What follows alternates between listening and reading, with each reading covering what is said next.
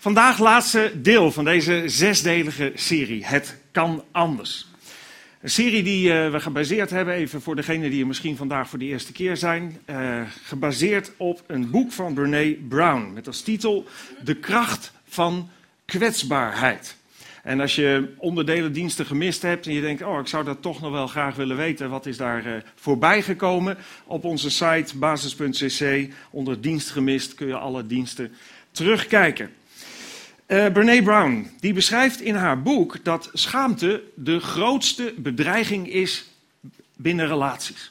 En relaties, schrijft ze ook in haar boek, dat is hetgene waar we ten diepst allemaal naar verlangen. Relaties, connecties met anderen, dat is een fundamenteel verlangen. Maar schaamte, en schaamte is de angst om afgewezen te worden, om dingen te doen of dingen te zeggen die anderen niet goedkeuren of niet goed vinden. Schaamte is de grootste bedreiging. Schaamte is een negatieve emotie die we heel graag uit de weg gaan. En ook heel graag voorkomen dat die afwijzing er is. En daarom ontwikkelen van allerlei mechanismen in ons leven die heel complex kunnen zijn. Eh, om die schaamte niet te hoeven ervaren. Dus om niet door mensen afgewezen te worden. Maar heel vaak heeft dat een averechts effect. Hebben juist die mechanismen die je dan aanneemt het effect dat relaties bemoeilijkt worden. Ik zal daar zo ook een voorbeeld van geven. Bij schaamte vraag je je af: is er iets aan mij waardoor, als andere mensen dat weten of zien, ik het niet waard ben om met hun verbonden te zijn? Is er dan een reden als ze dat van me weten of dat van me zien, dat ze zeggen, nou, dat ze met een boog om je heen gaan of dat je buiten de groep valt?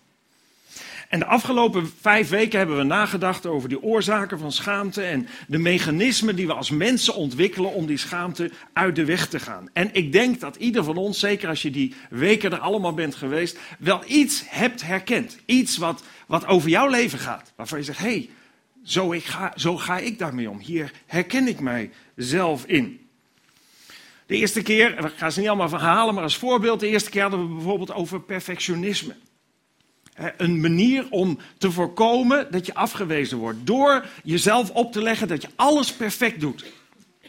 Alles moet kloppen, alles moet goed zijn.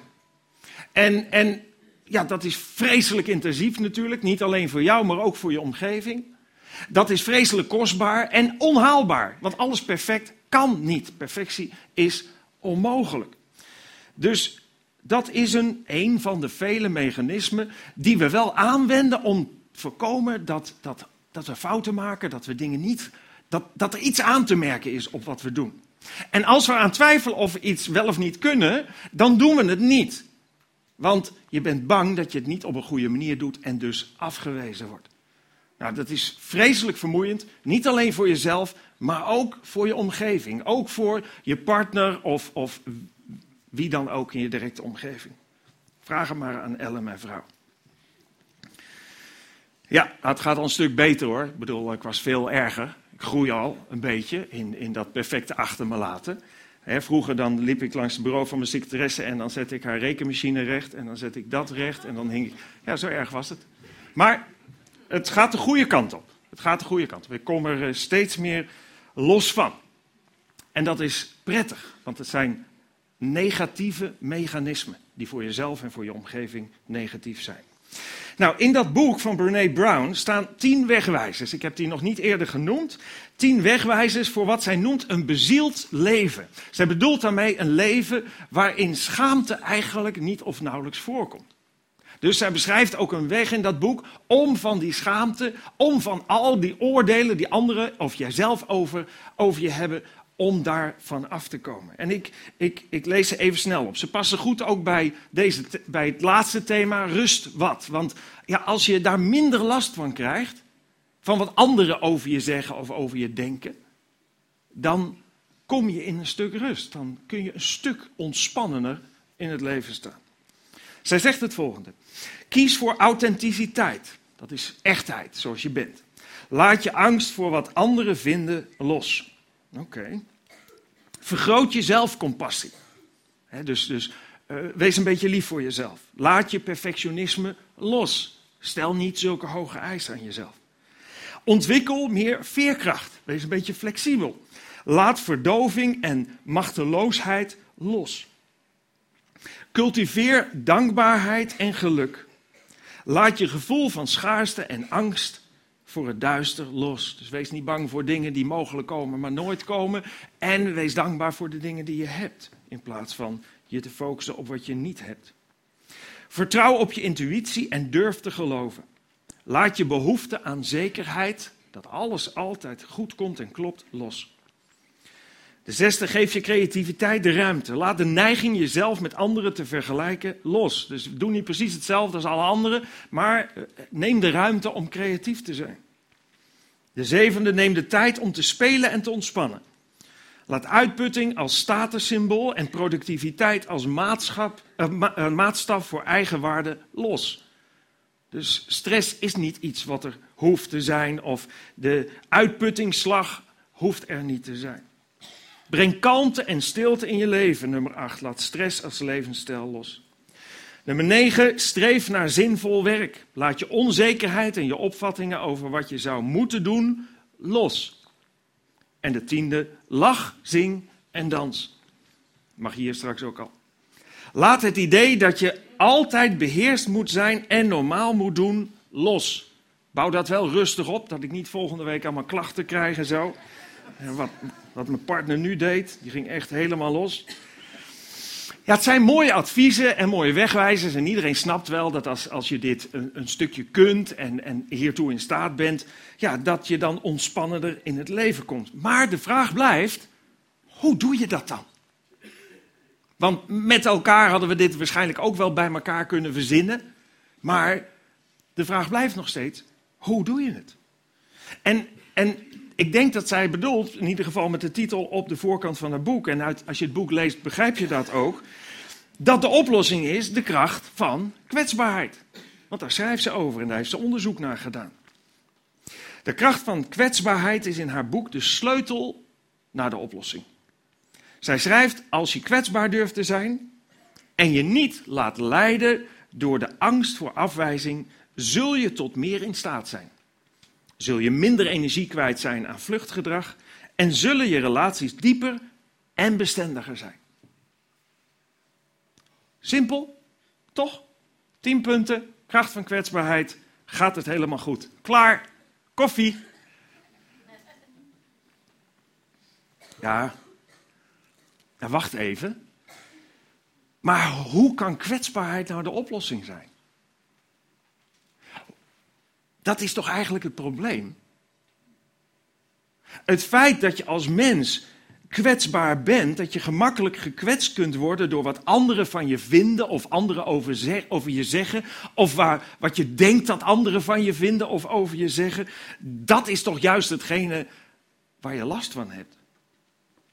En die kwetsbaarheid veroorzaakt toch juist de angst voor die afwijzingen. En zet je aan juist tot die mechanismen om dat te ontwijken.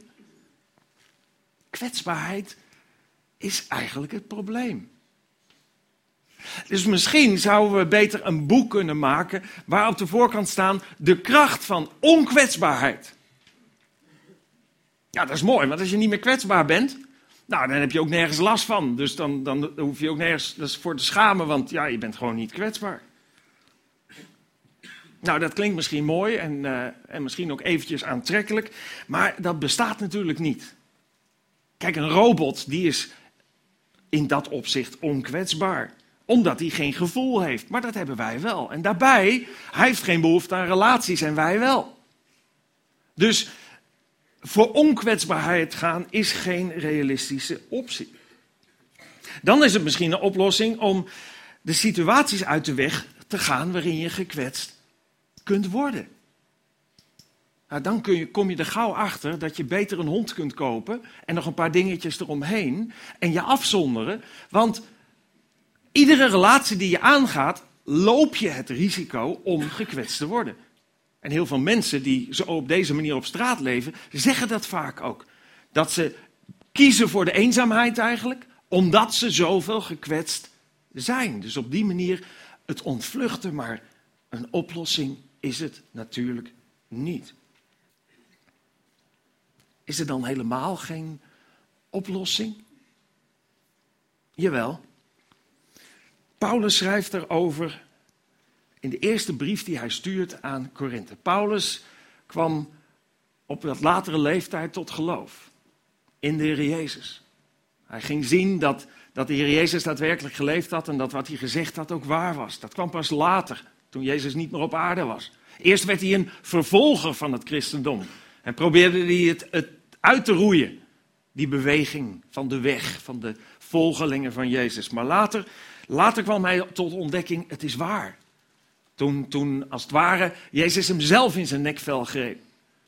En toen werd hij een, een hardvochtig, hartstochtelijk, hoe moet ik het noemen, voorvechter voor het evangelie. Hij begon overal het evangelie te verkondigen en begon overal gemeenten te stichten. En dat deed hij ook in Korinthe. En hij schrijft over de oplossing van dit probleem. Een oplossing waar we allemaal mee uit de voeten kunnen. En het werkt echt fantastisch. Dat kan ik uit eigen ervaring zeggen. Maar meer daarover volgende week als... Nee hoor, we maken de serie af nu. Nee, nee. Oh ja, dat, dat doet me nog uh, denken aan die cliffhanger van vorige week. Ja, daar zal ik nog even kort op terugkomen. Vorige week dacht ik, oh, dat past er helemaal in volgende week. Maar dat past eigenlijk niet. Maar ik zal er toch nog even op terugkomen. Anders blijft iedereen rondlopen met die vraag. Vorige week hadden we het over het stellen van grenzen, weet je nog? Voor degenen die er waren. Dat, het, dat het stellen van grenzen in je leven, om te zeggen tot hier en niet verder, dat dat lastig is. Waarom is dat lastig? Omdat je bang bent om door het stellen van die grenzen afgewezen te worden. En daardoor laat je over je heen lopen, laat je dingen gebeuren die je eigenlijk helemaal niet wilt. En toen hebben we gezegd, dat is, dat is niet wijs. En het stellen van grenzen is belangrijk. En soms mag je zelfs wel even boos zijn of met de vuist op tafel slaan om duidelijk te maken dat die grenzen moet zijn. Als je dat niet doet, is dat destructiever, vernietigender voor relaties dan het maar toelaat. Dus stel je grenzen.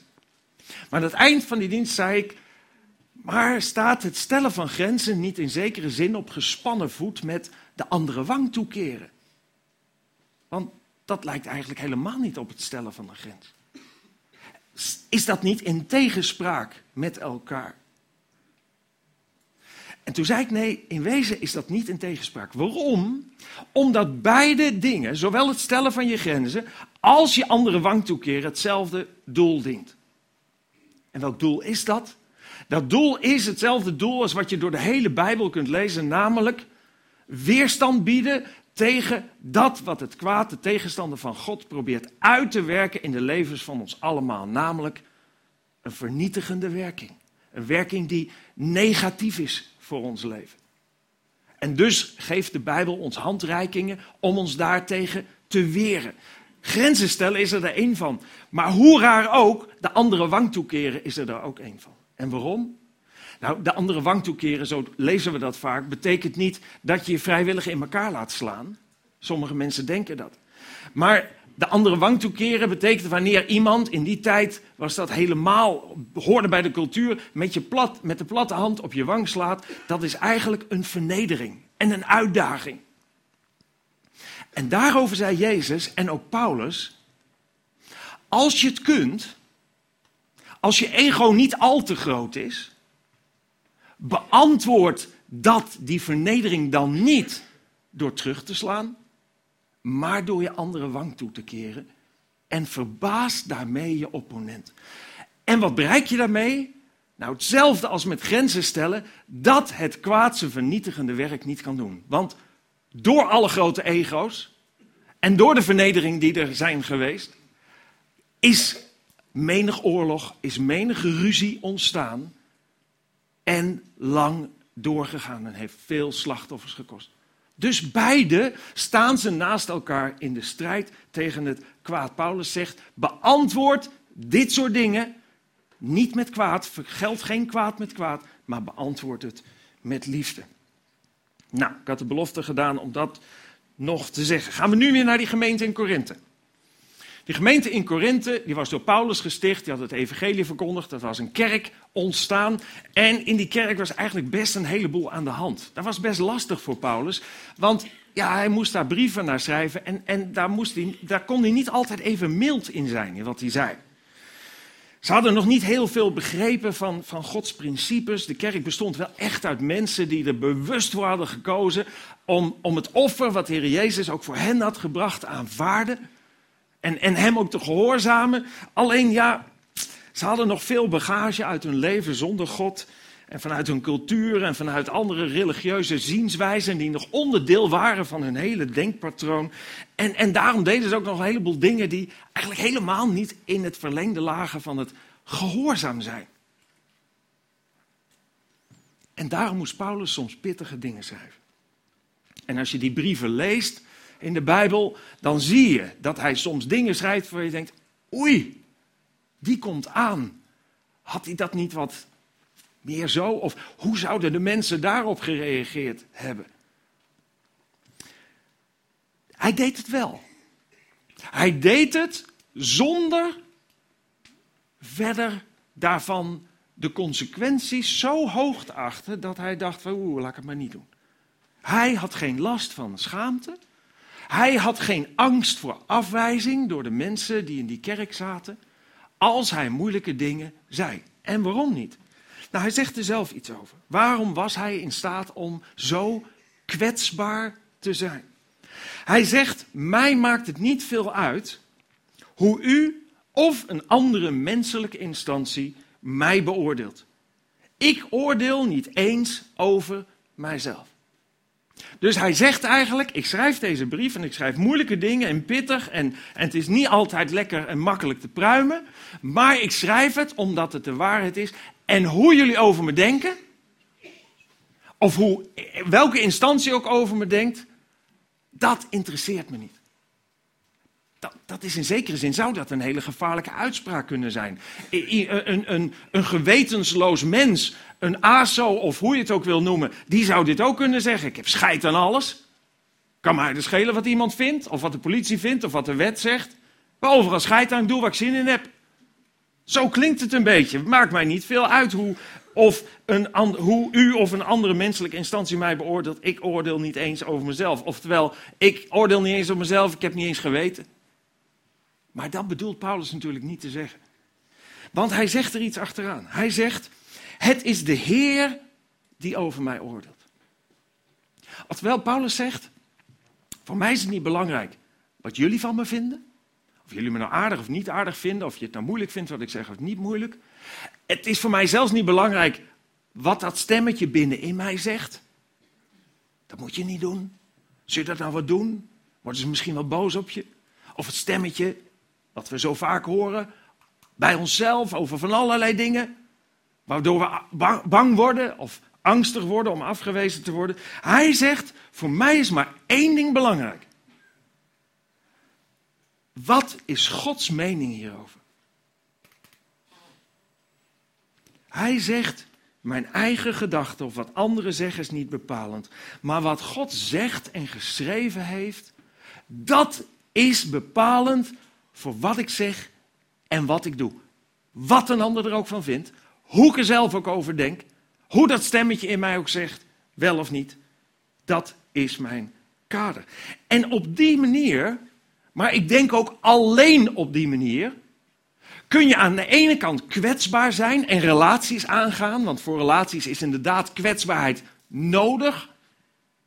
En aan de andere kant hoef je geen angst te hebben, want je hebt altijd dat fundament wat eronder zit, waar je op terugvalt. In dit dunne boekje van Tim Keller wordt dit principe vanuit deze tekst helemaal nog uitgewerkt. Ik begreep dat hij niet op de boekentafel lag, maar dat hij wel besteld wordt. Dus als je hem wil hebben, kost een paar euro. Maar gaat op deze tekst dieper in en, en vertelt daar het een en ander over. Goed boekje. Ik moet in mijn rol als voorganger ook soms moeilijke dingen zeggen tegen mensen. En soms moet ik dingen zeggen hier vanaf het podium, of zeg ik dingen vanaf het podium die ook lastig zijn. Waarvan ik weet, dat dat soms lastig binnenkomt. Of dat mensen daar moeite mee hebben. Of het er niet mee eens zijn. En dat heb ik nog meer als ik spreek op, eh, op, op bruiloften bijvoorbeeld. Waar, waar, ja, waar een heleboel mensen komen die er helemaal niet voor kiezen om per, per se in de kerk te zijn. Maar gewoon uit belangstelling voor het echtpaar of uit respect voor het echtpaar daar zijn. Dan moet je soms dingen zeggen waarvan je weet, dit is moeilijk, of dit komt niet aan, of hier worden mensen boos over. Soms krijg ik ook boze mailtjes of boze reacties. En natuurlijk vind ik dat niet leuk en soms is dat heel zwaar als dat gebeurt. Maar als ik weet, en dat onderzoek ik, als ik weet dat wat ik heb gezegd of wat ik heb gedaan recht is voor Hem die over mij oordeelt, recht is voor God, dan kan ik het ook weer gemakkelijk loslaten. Als ik mijn identiteit baseer op wat iedereen hier ervan vindt wat ik zeg, dan ben ik uiterst kwetsbaar voor kritiek en al dat soort dingen. Als ik dingen zeg waarvan ik weet dat ze moeilijk zijn, maar dat is wat God van me vraagt te zeggen, dan ben ik veel minder kwetsbaar. Ik ben hier niet, ik sta hier niet om een fanclub te beginnen. Ik sta hier eigenlijk, ik zeg altijd, ik ga voor het applaus van één. Het applaus van één, dat telt. Wat is het kader wat God geeft? En dat helpt mij, maar dat kan jou ook helpen, om zonder schaamte, zonder angst voor afwijzing, dat te doen waarvan je weet dat Hij die over je oordeelt, het als de rechte weg beschrijft.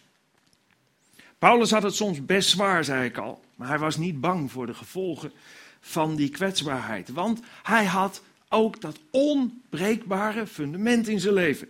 En daarom kon hij ook zeggen het volgende: we worden van alle kanten belaagd. Nou, als je de verhalen over Paulus leest, leest en wat hij allemaal mee heeft gemaakt, dan, dan weet je dat. Maar, zegt hij, raken niet in het nauw. Terwijl hoe ze me ook belagen, eigenlijk ben ik nooit in het nauw. Want ik heb een fundament. We worden aan het twijfelen gebracht, maar raken niet vertwijfeld. We worden vervolgd, maar worden niet in de steek gelaten. God is zelfs in de vervolging er altijd bij. We worden geveld, omgehaald, maar gaan niet te gronden. Want ons fundament, mijn fundament, is in God. En ik moet je zeggen, het is geweldig om zo'n fundament te hebben. En hoe meer ik zelf in de loop der tijd ben gegroeid in mijn vertrouwen op God, hoe meer ik dat fundament ook ervaar, hoe meer ik ook ervaar dat daar echt die rust van uitgaat waar je eigenlijk allemaal op zoek bent. En dan zijn er momenten die soms, wat soms kruispunten zijn, waar je angst voor afwijzing of angst voor de gevolgen zou kunnen hebben, die dan in één keer niet meer zo angstig zijn. Ik weet me zo'n voorbeeld te herinneren. Ik heb nog altijd een, een bedrijf, Alfa heet dat, een bedrijf in professionele licht- en geluidsapparatuur. En um, in 2000 ben ik theologie gaan studeren. En toen heb ik bedrijf wat ik had in Frankfurt, in Duitsland, verkocht. En in de Nederlandse vestiging is een directeur opgekomen. En vanaf dat moment heb ik me teruggetrokken. Echt teruggetrokken. Eerst voor mijn studie, later voor uh, de basis. En toen ik dat een jaar of tien had gedaan, kwam op een gegeven moment de bedrijfsleider of directeur bij me en die zegt: um, ik, wil, ik ben wel geïnteresseerd om het bedrijf te kopen. En we zaten toen al een jaar, geloof ik, in, in, in de recessie. Dus het was geen beste tijd voor het bedrijf. Het was overeind proberen te blijven. Nou ja, het is geen gunstige tijd, maar ik zei, ik sta er niet direct afwijzend tegenover. Laat maar eens, laat maar eens horen wat je, hoe je erover denkt en hoe je dat ziet. En op een gegeven moment kwam hij met papieren en had de dingen uitgewerkt en uh, laten, nou ja, laten controleren. Ik weet niet wat hij ermee gedaan heeft. En hij komt en geeft die papieren aan mij. En ik lees dat door, ik scan dat even. En ik kon hem vrij snel een reactie geven. Ik zei, joh, als ik mijn bedrijf wil weggeven, dan wil ik graag zelf uitmaken aan wie ik het weggeef. Dan heb ik er misschien nog plezier van. Maar dit is niet realistisch. Dit is niet realistisch. Maar zei hij, dan moet je even verder lezen. Want als je niet akkoord gaat, dan ga ik weg. En wie van de klanten kent jou? En dat was zo. Dat was zo. Ik was tien jaar niet in bedrijf geweest. Als ik door het bedrijf heen liep, dan, dan klanten de mensen die er werkten me aan om me te vragen of ze me konden helpen. Zo ver, bij wijze van spreken, stond ik ervan af. Kende niemand meer van de klanten. Dus het was ja, een stukje macht zou je kunnen zeggen. En toen zei ik tegen hem, ja, eigenlijk ken je me op een, of andere manier toch nog niet goed genoeg. Of, of de principes voor mijn leven. Want Mijn bedrijf, ondanks het feit dat het mijn inkomen genereert, is niet mijn zekerheid. God is de zekerheid in mijn leven en niet het bedrijf. Je kunt me niet manipuleren, ik ben niet bang voor afwijzing, want mijn fundament is zeker. En ik accepteer dit als je ontslag. En je kunt gaan. En zo is het ook gegaan. Als God het fundament is in je leven, dan sta je altijd sterk. En ben je niet te manipuleren, maar ben je ook niet bang voor afwijzing. Vorige week eindigden we met de vraag: hoe kan ik schaamte uit mijn leven bannen? Hoe voorkom ik dat ik geleefd word door schaamte, de angst om afgewezen te worden? Nou, in het boek, en dat wil ik toch nog even zeggen voor degenen die dat boek misschien hebben gekocht en hebben gelezen. In het boek van Brene Brown wordt onder andere mindfulness als oplossing genoemd. Um, Mindfulness is een containerbegrip van een heleboel verschillende dingen die daaronder kunnen vallen. Heeft iets te maken met tot jezelf komen, over jezelf nadenken, stil gaan staan, echt en noem maar op. Maar mindfulness in de, in de, in de breedste zin heeft meestal zijn wortels in het, in het boeddhistische geloof en andere occulte stromingen, waarvan ik zou, niet zou adviseren om die weg in te slaan. In mindfulness in het algemeen. Dat brengt je eerder verder dan dichter bij de oplossing. En heel vaak is dat ook zo met deze zelfhulpboeken. Er staan goede dingen in, je herkent jezelf in dingen, het, maakt je bewust van, van bepaalde mechanismen. Ze heeft echt grondig en goed onderzoek gedaan. Maar mindfulness is niet de oplossing. De kracht uit jezelf is niet de oplossing, want daar word je heel snel moe van. Als je iets met mindfulness wil doen, dan zou ik zeggen: koop dit boek dan. Mindful met Jezus. Speelt helemaal in op die beweging, doet een heleboel vanuit datzelfde perspectief. Tot rust komen. Nadenken over de dingen. Contemplatie. Bespiegeling van jezelf. Maar niet vanuit fundamenten die vaag zijn en die je niet verder helpen. Hoe kan je de schaamte uit je leven bannen? Ja, de vraag is misschien, hoe kwam het in je leven? Want we herkennen het allemaal. Als we er eerlijk over zijn, herkennen we allemaal de angst voor afwijzing. doen we dingen om bij de groep te horen? Doen we het omdat de buurman het ook heeft en de andere buren ook en dan willen wij het ook? Of doen we het uit angst dat we op een andere manier buiten de groep vallen? Of dat de dingen niet perfect zijn en andere mensen ons daarop afrekenen? Of we worden maar steeds bepaald bij de mode die we niet kunnen kopen? Of, of dat we niet mooi genoeg zijn, niet zo mooi als op, dat, op, op die voorpagina van dat modeblad? En al dat soort dingen leiden bij ons allemaal, en iedereen heeft zijn eigen ding leidt bij ons allemaal tot die angst voor afwijzing. Maar hoe komt dat in je leven? Ik heb dat de diensten dat ik daarover sprak, iedere keer gezegd. In het eerste Bijbelboek lezen we erover. Daar staat toen zij dat hadden gedaan. En wat hadden ze gedaan? Nou, om het kort te omschrijven, lees het gerust na. Adam en Eva, die door God gemaakt zijn, kregen van God één wet. En die wet overtraden ze. Ze kozen ervoor om zich te laten verleiden door de tegenstander van God. En kozen ervoor om niet God te volgen, maar zijn verleiding te volgen. En wat is het gevolg? Toen ze dat hadden gedaan, staat er, viel het hun opeens op dat ze naakt waren en zij schaamden zich. Schaamte en angst en nog veel meer dingen die wij in ons leven als negatief ervaren, is het gevolg van zonde. Satan, de tegenstander van God, kreeg via de vrije wil van de mens, en die vrije wil is een voorwaarde voor liefde. Zonder vrije wil kan er geen liefde bestaan kreeg via die vrije wil toegang tot de toen nog volmaakte schepping. Nu onvolmaakte schepping. En Adam en Eva gingen een relatie aan met het kwaad ten koste van een relatie met God. En dat deden niet alleen zij, want dan zouden we kunnen zeggen wat stom en wij zitten met de gebakken peren. Nee, dat doen we allemaal. Paulus zegt, alle mensen hebben zich van God afgekeerd. Ze zijn met elkaar de verkeerde weg opgegaan. Niemand doet wat goed is, zelfs niet één.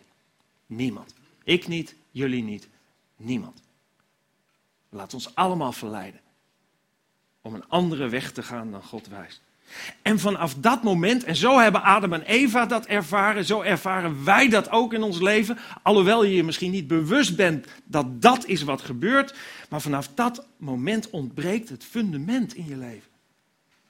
Omdat zonde zorgt voor een breuk tussen God en de mens.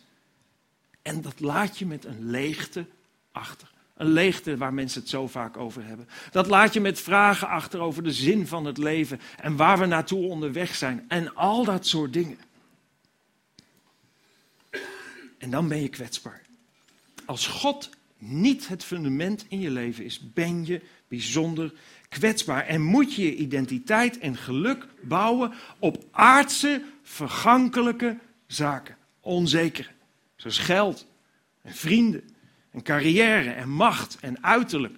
Als je daar je identiteit op bouwt, ben je kwetsbaar. Want als dat fundament uit je leven wegvalt, en we hebben het in de recessie gezien, ik weet niet of je het wel eens gelezen hebt, maar toen de aandelen instortten, toen ging de zelfmoord omhoog. En niet een beetje. Mensen wiens identiteit was gebouwd op hun geld, op dat wat ze hadden, en toen dat wegviel was er niets meer over. En zo kun je op veel dingen je identiteit bouwen. Ten diepste, ten diepste verlangen we allemaal naar onvoorwaardelijke liefde, naar vrede, naar hoop, naar geluk, naar een onwankelbaar fundament. En daar zijn we ook naartoe op zoek. Met alle oprechtheid zoeken we naar geluk. En er zijn ook momenten dat je merkt, hé, hey, hier word ik echt gelukkig van iets nieuws kopen of, of bepaalde dingen doen of wat dan ook. Maar we merken ook iedere keer dat de houdbaarheidsdatum van dat geluk zo kort is. En dan moet je weer opnieuw op zoek en weer opnieuw op zoek en je bent kwetsbaar. Ten diepste, en daar ben ik van overtuigd, verlangt ieder mens naar God. Hij is de schepper van het leven. Hij is liefde. Wat hij heeft en geeft, is waar ieder mens ten diepste naar verlangt. En net zo verlangt God naar jou en mij. Net zo. En daarom is het ook dat God ervoor koos om zijn zoon Jezus Christus naar deze wereld te sturen. Niet omdat we het verdiend hadden of dat wij het zo goed deden. Of, nee, omdat God zo verlangt je te geven waarvan die weet en ziet dat je daarna hunkert. Dat hij die onoverbrugbare kloof die was ontstaan door de zonde, zelf overbrugde. Door zijn zoon te sturen, de Heer Jezus Christus, die naar deze wereld kwam, die geleden heeft, die stierf voor onze zonde, die de prijs betaalde, de boete betaalde, die wij hadden moeten betalen. En dan lezen we in de Bijbel, want God heeft zoveel liefde voor de wereld dat hij zijn enige zoon heeft gegeven, zodat ieder die in hem gelooft niet verloren gaat, maar eeuwig leven heeft. Dat is het verlangen. God heeft zijn zoon niet naar de wereld gestuurd om de wereld te veroordelen, maar om haar van de ondergang te redden. Wie zijn vertrouwen op Jezus stelt, wordt niet veroordeeld. Jezus zei het zelf op deze manier. Jezus zei: Ieder die mijn woorden hoort en doet wat ik zeg, lijkt op iemand die zo verstandig was zijn huis op een rots te bouwen. De regen viel neer, de rivieren traden buiten hun oevers, de winden waaiden en beukten tegen dat huis. Maar het stortte niet in, want het was gebouwd op een rots.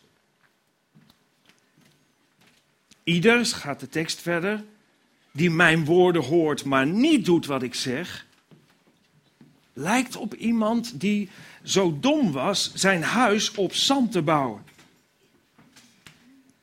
De regen viel neer, de rivieren traden buiten hun oevers, de winden waaiden en teisterden dat huis. En het huis stortte in. Het werd een grote bouwval. God wil voor ons allemaal dat we een sterk fundament hebben in ons leven. En als je niet gelovig bent, als je nooit een keuze hebt gemaakt om het offer van de Heer Jezus te aanvaarden, is dat wat God je hier ook vandaag aanbiedt. En als je wel die keuze hebt gemaakt, maar merkt dat je ook nog zo kwetsbaar bent, dan wil God dat je weet en ervan uit handelt dat je een fundament hebt gekregen in je leven wat niet kan wankelen. Lang geleden vertelde Petrus aan een grote groep Joodse mensen dat er herstel in de relatie tussen God en de mensen mogelijk was gemaakt door de dood en opstanding van Jezus Christus. En dan lezen we het volgende, nadat hij ze dat allemaal uitgelegd heeft. Toen zij dit hoorden, werden zij diep in hun hart geraakt en zeiden tegen Petrus en de andere apostelen: Wat moeten wij doen, mannenbroeders? En Petrus zei tegen hen: Bekeer u en laat ieder van u gedoopt worden in de naam van Jezus Christus, tot vergeving van de zonde. En u zult de gave van de Heilige Geest ontvangen. Oftewel, die relatie die verbroken was, die kapot was door de zonde, zal hersteld worden. Die verbinding zal opnieuw tot stand worden gebracht. En ik wil je uitnodigen om net als 3000 mensen toen die daar gehoor aan gaven. 3000 mensen die op deze uitnodiging ingingen. Wil je vragen om ook op deze uitnodiging in te gaan. Om te beginnen de keuze in je hart te maken. Ik wil niet langer bij God vandaan. Nee, ik wil me bekeren. Ik wil me omkeren. Ik wil van richting veranderen. Niet langer bij God weg, maar naar God toe. Ik wil het offer van de Heer Jezus Christus aannemen. Zodat ik ook dat fundament in mijn leven kan krijgen. Soms heb ik in het verleden in diensten wel gevraagd ook om die keuze te maken. Op heel verschillende manieren heb ik daar ook een reactie op gevraagd. Soms tijdens gebed je de ruimte gegeven om in stilte dat tegen God te zeggen. Soms gevraagd om tijdens gebed, als iedereen zijn ogen gesloten had, je hand op te steken. Soms heb ik gevraagd om op te staan, als je die keuze wilde maken. De keuze om Hem te volgen, maar ook die volgende stap te zetten. En deze keer wil ik je niet vragen om je hand op te steken, of in stilte dat te doen, of om op te staan. Maar deze keer wil ik je eigenlijk vragen om dat te doen wat het dicht staat bij de Bijbel. Dus net zoals Petrus zegt. Hij zegt: bekeer u en laat ieder van u gedoopt worden. Doop is uiterlijk zichtbare teken voor iedereen die het zien kan en wil. Een uiterlijk teken van een innerlijke keuze die je hebt gemaakt. En er is eigenlijk geen andere vorm van getuigen die de Bijbel aanreikt, die daarmee gelijkwaardig is. Dus bekeren en de keuze maken om je te laten dopen is het antwoord, is de gehoorzaamheid die je laat zien. Je zou kunnen zeggen de eerste stap van gehoorzaamheid om te zetten. En misschien zit je hier en heb je die keuze niet gemaakt. En misschien zeg je, ik wil ook dat offer van de Heer Jezus aanvaarden. En als dit de manier is om het zichtbaar te maken, dan wil ik vandaag, ook al gebeurt het nog niet vandaag, maar wil ik vandaag de keuze maken om het te laten dopen. Dat kan. Maar het kan zijn dat je al heel lang geleden tot geloof bent gekomen. En misschien uit een hele andere kerkelijke richting komt waar je als kind bent gedoopt. Ook dan wil ik je uitnodigen laat je dopen. Hoe goed de bedoelingen ook zijn geweest van je ouders, hoe de intentie ook is geweest om jou op te voeden in, in het kennen van God. Het dopen als kinder, of het doen van beleidenis, of de besnijdenis, waar de Joden zich misschien op hadden kunnen beroepen. Ja, maar we hebben al iets gedaan, de besnijdenis, en dat is het onderdeel wat er bij ons bij hoort. Nee, zegt Petrus, Nee, zei Jezus, bekeer je en laat je dopen. En dat woord dopen in de Bijbel is, is, zeker bij volwassenheid een keuze maken. Je onder te laten dompelen en weer op te staan in nieuw leven. Het is een symbool, maar een belangrijk symbool. En gehoorzaamheid is een van de allerbelangrijkste onderdelen in de Bijbel. Want gehoorzaamheid leidt altijd tot zegen. Je hebt een kaartje gevonden op je stoel. Mijn volgende stap.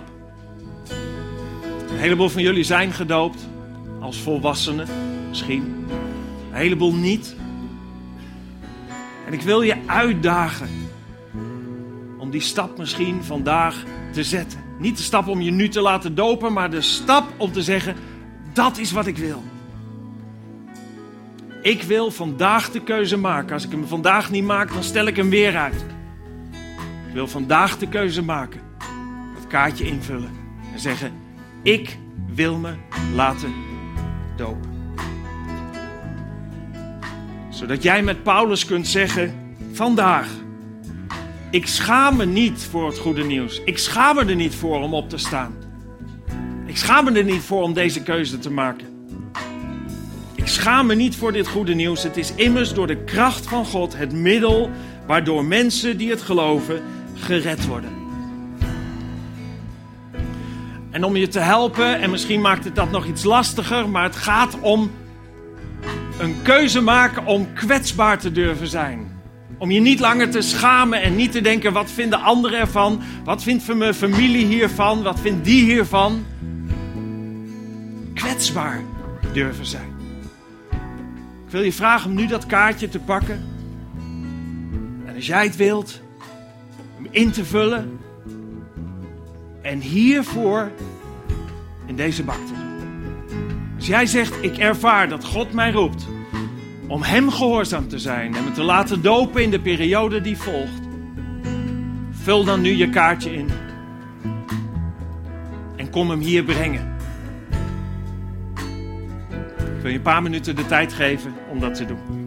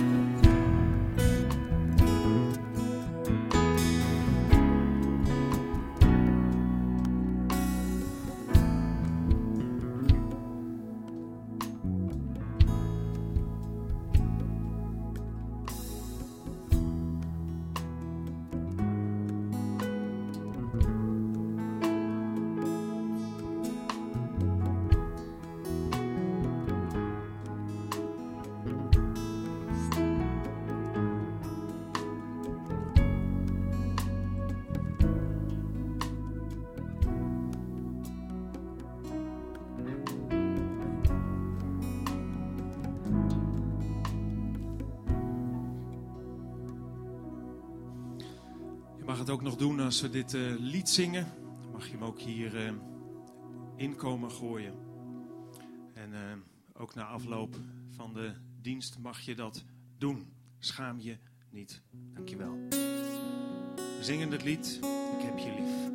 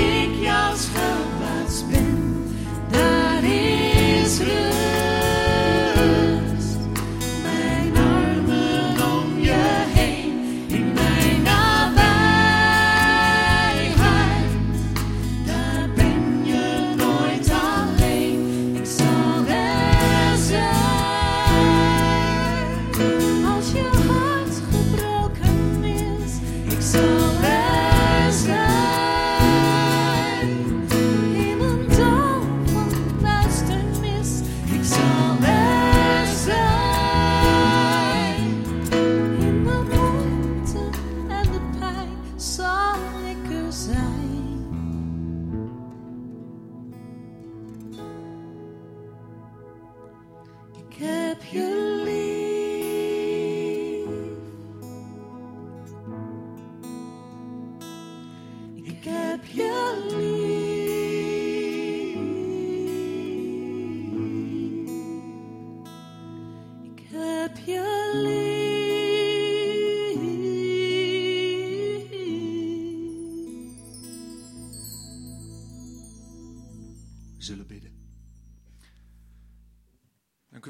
God, voor dit moment, voor deze dienst, voor de dingen die u ons doorgeeft.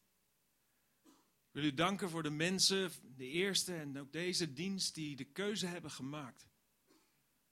Te zeggen, ik zet die stap. Ik wil me laten dopen. Ik wil laten zien op de manier die u heeft gekozen. Dat ik ga. En dat ik heb gekozen om u te volgen. En dat ik in deze stap de eerste stap van gehoorzaamheid zet.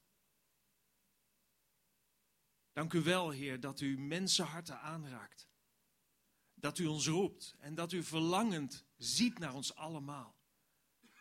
Dat u verlangt naar een relatie met ons allemaal. Dat u onze harten en onze hunkering ziet naar u. En dat u niet zegt, ik wil niks met je te maken hebben, want je hebt dit gedaan of je hebt dat gedaan. Nee, wat we ook gedaan hebben in ons leven. U strekt uw hand naar ons allemaal uit en zegt, ik heb je lief. Ik hou van je. Ik heb je gemaakt en ik verlang naar om een relatie met je te hebben. Ik wil u bidden voor mensen die misschien nog twijfelen. Of we hen wil helpen om die stap te zetten. Misschien straks het kaartje nog in te vullen en hierin te doen. Heer, dank u wel dat u ons ieder moment weer roept. Heer, u kent ons leven. Ik wil u bidden, Heer, of u ons wilt leiden, ook de week die voor ons ligt. Alle uitdagingen en alle moeite Mooie dingen die ook voorbij komen daarin. En dat we opnieuw nog eens worden bepaald bij u als fundament. Dat u het fundament in ons leven wil zijn. En dat we, dat we de schaamte voorbij kunnen. De angst om afgewezen te worden. Voorbij kunnen. Als we u leren kennen in ons leven. Dat we kwetsbaar durven zijn. En niet hoeven te vluchten in mechanismen. Maar kwetsbaar durven zijn omdat we weten dat u ons fundament bent en we nooit zullen vallen. Heer, raak ons hart aan met uw liefde. Amen. Fijn dat jullie er allemaal waren. Ik wens jullie een hele goede week toe en hopelijk tot volgende week. Tot ziens.